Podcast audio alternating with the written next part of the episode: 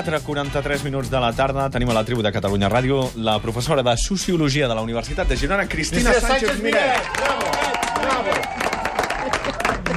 Cristina, com estàs? Molt bé, bona tarda, ara millor encara. Imagino que d'enhorabona aquesta setmana, perquè la Cristina forma part de la iniciativa mm, gairebé forma part de la iniciativa per la reforma horària i aquesta setmana heu aconseguit que el Parlament es comprometi a impulsar una reforma horària que permeti millorar la qualitat de vida i conciliar les vides laboral i familiar.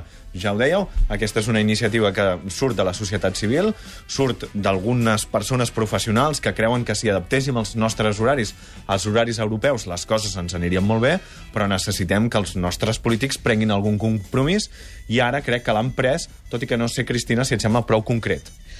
Mira, de, de, per començar, eh, perquè hem dit tantes coses, la primera, estem d'enhorabona tots i totes, eh? perquè és veritat que, que nosaltres encapçalem, el Fabià, el Fabià Moedano sobretot, eh, dient cristal·litzem, deixem-ho dir així, la feina de moltíssima gent, d'àmbits socials molt amples, molts actors socials que tenen claríssim que això ha de canviar perquè ja no podem més, diguem-ho clar, és que no podem més, ningú de nosaltres, amb el tipus de vida que tenim, que cadascú té la que té, eh? que ara m'esteu mirant aquí amb una No, cara no, com no, si no, no, no. Volgués intervenir en les vostres no, vides, és que eh? No estic no és el esperant que em cas. diguis que firmi. Vull dir que te firmo allà on te me demanis. Sí, de fet, ara, ara necessitem coses concretes, que és el que tu plantejaves. De fet, el conseller Homs es va, eh, diríem, es va comprometre que juny, juliol, aquí ja hi haurà sobre la taula tot un seguit de mesures concretes, però necessitem més enllà, necessitem anar a una llei, de, de, un, una llei pels nous temps, si m'ho deixeu dir així, eh? Molt maco, una, sí, oi que sí? Que, que, no, no és només que quedi Lliga, bé, és que, eh, que sí? Doncs necessitem aquesta llei pels nous temps, que sigui una llei dels temps racional, perquè estem en una irracionalitat total i absoluta Però, que Cristina, no podem cosa, mantenir si aquí més. s'aprova aquesta llei, eh, pot ser que tinguem un horari diferent que el d'Espanya, per exemple? On dia, mira, a Espanya també estan intentant canviar-ho, no van tan de pressa com nosaltres i no sé pas què faran, d'acord? Però de moment eh, eh, eh, canviem-ho aquí i llavors, doncs, no sé, hi ha tantes coses ja que volem diferents d'Espanya i que poden ser-ho que, Però, per que, exemple, que no ens... pot ser que a Barcelona tinguem una hora i, i a Mallorca en tinguin una altra? Si no canvia a nivell de tot l'estat espanyol, ens passarà això. Clar, això serà molt raro, no? Uh, Però, mira, de tota manera, el que s'està plantejant ara No no, deixen no és fer un canvi no als rellotges. Sí, No. exacte. Exacte. No, no ens passarà com a no estem Canàries, d'això. eh? No ens passarà No com a estem Canàries. parlant del fus horari, no, No. estem parlant Això d'això. podria ser una última conseqüència, però Sí. de moment no estem parlant d'això. No estem aquí encara, No, eh? no, encara no estem no, aquí. no, no. Estem dient... Eh, Horaris laborals. horaris- Estem dient, mira, una cosa tan senzilla i tan pràctica i tan necessària com, per exemple, es compactar l'horari de tots. De tots. Per exemple, la tribu quina hora es faria? La tribu quina hora es faria? Doncs es podria fer perfectament en l'hora que s'està fent. Ah. És, és a dir, no és... No és Si és tots menys nosaltres.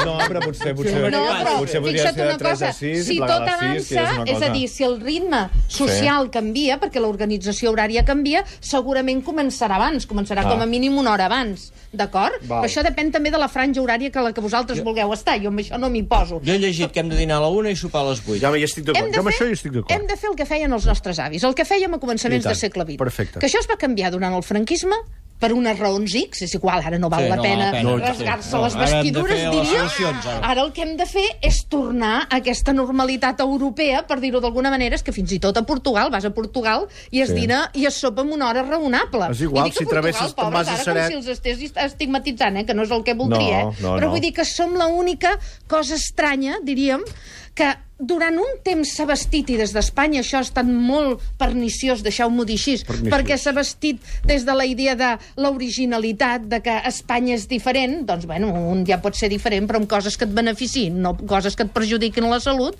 eh, en tots els seus extrems, eh? des del dormir fins a no sé quantes coses més.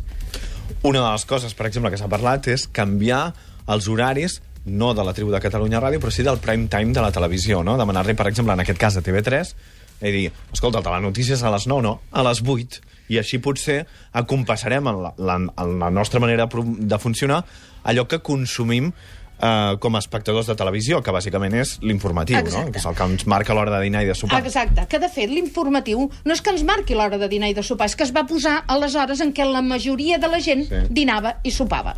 Això és el que hem de canviar, i s'ha de canviar bàsicament també, sobretot perquè s'han de canviar els temps de treballs, eh, de treball. Ja hi ha, ja hi ha empreses que ho estan fent, el, el, un acte el, el dijous, la, la presentació de l'anuari 2014 de, de la iniciativa per a la reforma horària es va fer a la fàbrica d'AM, aquí a, aquí a Barcelona, perquè ells han, han sigut pioners en aquests... N'hi ha altres, eh, Quina hora- d'exemples. Quina hora es va fer? eh, el de 9 a 10 del matí. Els actes aquests els fan tots de 9 a 10 del matí. No, no, però tant, que si a les 11 al vespre. No, però Sí, llavors, som... llavors ens haguéssim... De vegades és dies, però dic una cosa i es fa una de Això, no, contrària, no, ja oi? veig que sou serios. No, no, en aquí I no, ells en són aquí. pioners perquè han fet, han adaptat l'horari més flexible, no? Ah, I també perquè amb la idea de compactar, el que necessitem sobretot és, a, part de flexibilitzar, que això per exemple és a l'administració pública ja s'havia instaurat i algunes empreses també ho han dut endavant, que és aquesta idea de poder entrar una mica abans, una mica després, sobretot al matí, i en funció d'això sortir una hora o una altra. Una de les grans diferències que nosaltres tenim amb la resta de països és que els que són el que es considera horari partit té, eh, és, és tan llarg en el temps que ocupa tot el dia. Perquè la franja del migdia, a diferència dels altres llocs, és, és de 2, 3, 4 hores.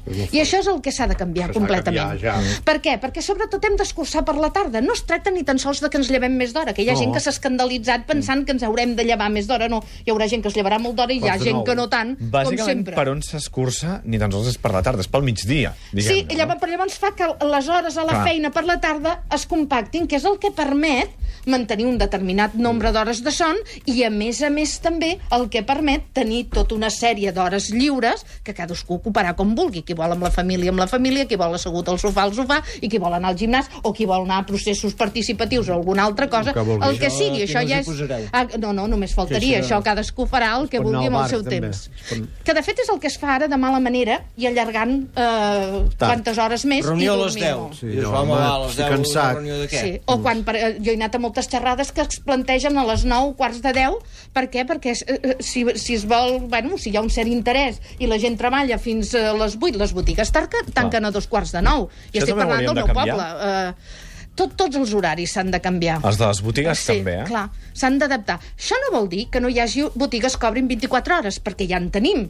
Eh, és a dir, a la resta, de vegades això crea com una mica de confusió, perquè hi ha gent que de seguida diu, home, i a mi que m'és igual, perquè jo igualment treballo per la nit, no? Mm. O jo faig eh, torns... Eh, però això a la resta de d'Europa ja passa. Però, en general, el temps de la societat... Mm. És, és el que El- diu aquella botiguera de Girona en el documental aquest que fan d'això del canvi horari, que Sí. diu, coi, si tanco a les 8 i la gent plega a les 7 quarts de 8, haig de tancar a les 9. Exacte, perquè necessita tenir el servei obert per la seva clientela. Per això és tan important que hi hagi una llei, perquè o es fa compassat, o es fa en tots els àmbits socials, o no funciona. Jo recordo ja molts anys enrere, quan, quan ja m'ocupava d'aquests temes, a Girona precisament, eh, era de de la patronal, diria jo, o representant, és igual, del gremi de, de mecànica. A Girona, aquest senyor un dia em va dir, en, un, en unes xerrades que jo feia, que de fet era un tipus de, de cursos que es donaven, em, em diu, miri, jo ho vaig fer, jo m'ho vaig creure i vaig pensar, realment és important, i ho vaig fer.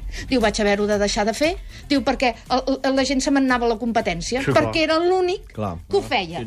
Ara bé, ja va haver-hi una cosa que encara va servir, eh? malgrat que l'home va haver de tornar a posar el seu taller en el mateix horari que els altres, perquè, clar, si ho fa ell sol i no canvien els horaris de les feines sí, sí. de la majoria de la gent, no tenia clientela. Ara, sí que va fer-lo de compactar al migdia per la persona que tenien administrativa, que era una senyora, diu que, a més a més, nosaltres, quan tancàvem, ella va demanar seguir treballant al migdia, tenia, no sé si ara no me'n recordo, mitja hora o només una hora per dinar, diu, i ens va solucionar dues coses. Amb ella li va permetre conciliar, però a nosaltres ens va solucionar que la feina sortia molt més de pressa. Per què? Perquè estava sola. En el taller hi podia atendre, podia fer coses i no havia d'estar pendent de si ara em demana això, em demanen l'altre. Cristina Sánchez Miret, alguna experiència bona ja hem tingut. Però l'hem de fer tots junts, i això Exacte. segurament és el que hem après d'aquesta experiència. Cristina Sánchez Miret, moltíssimes gràcies. Fins la setmana que ve. Adéu. Gràcies, adeu.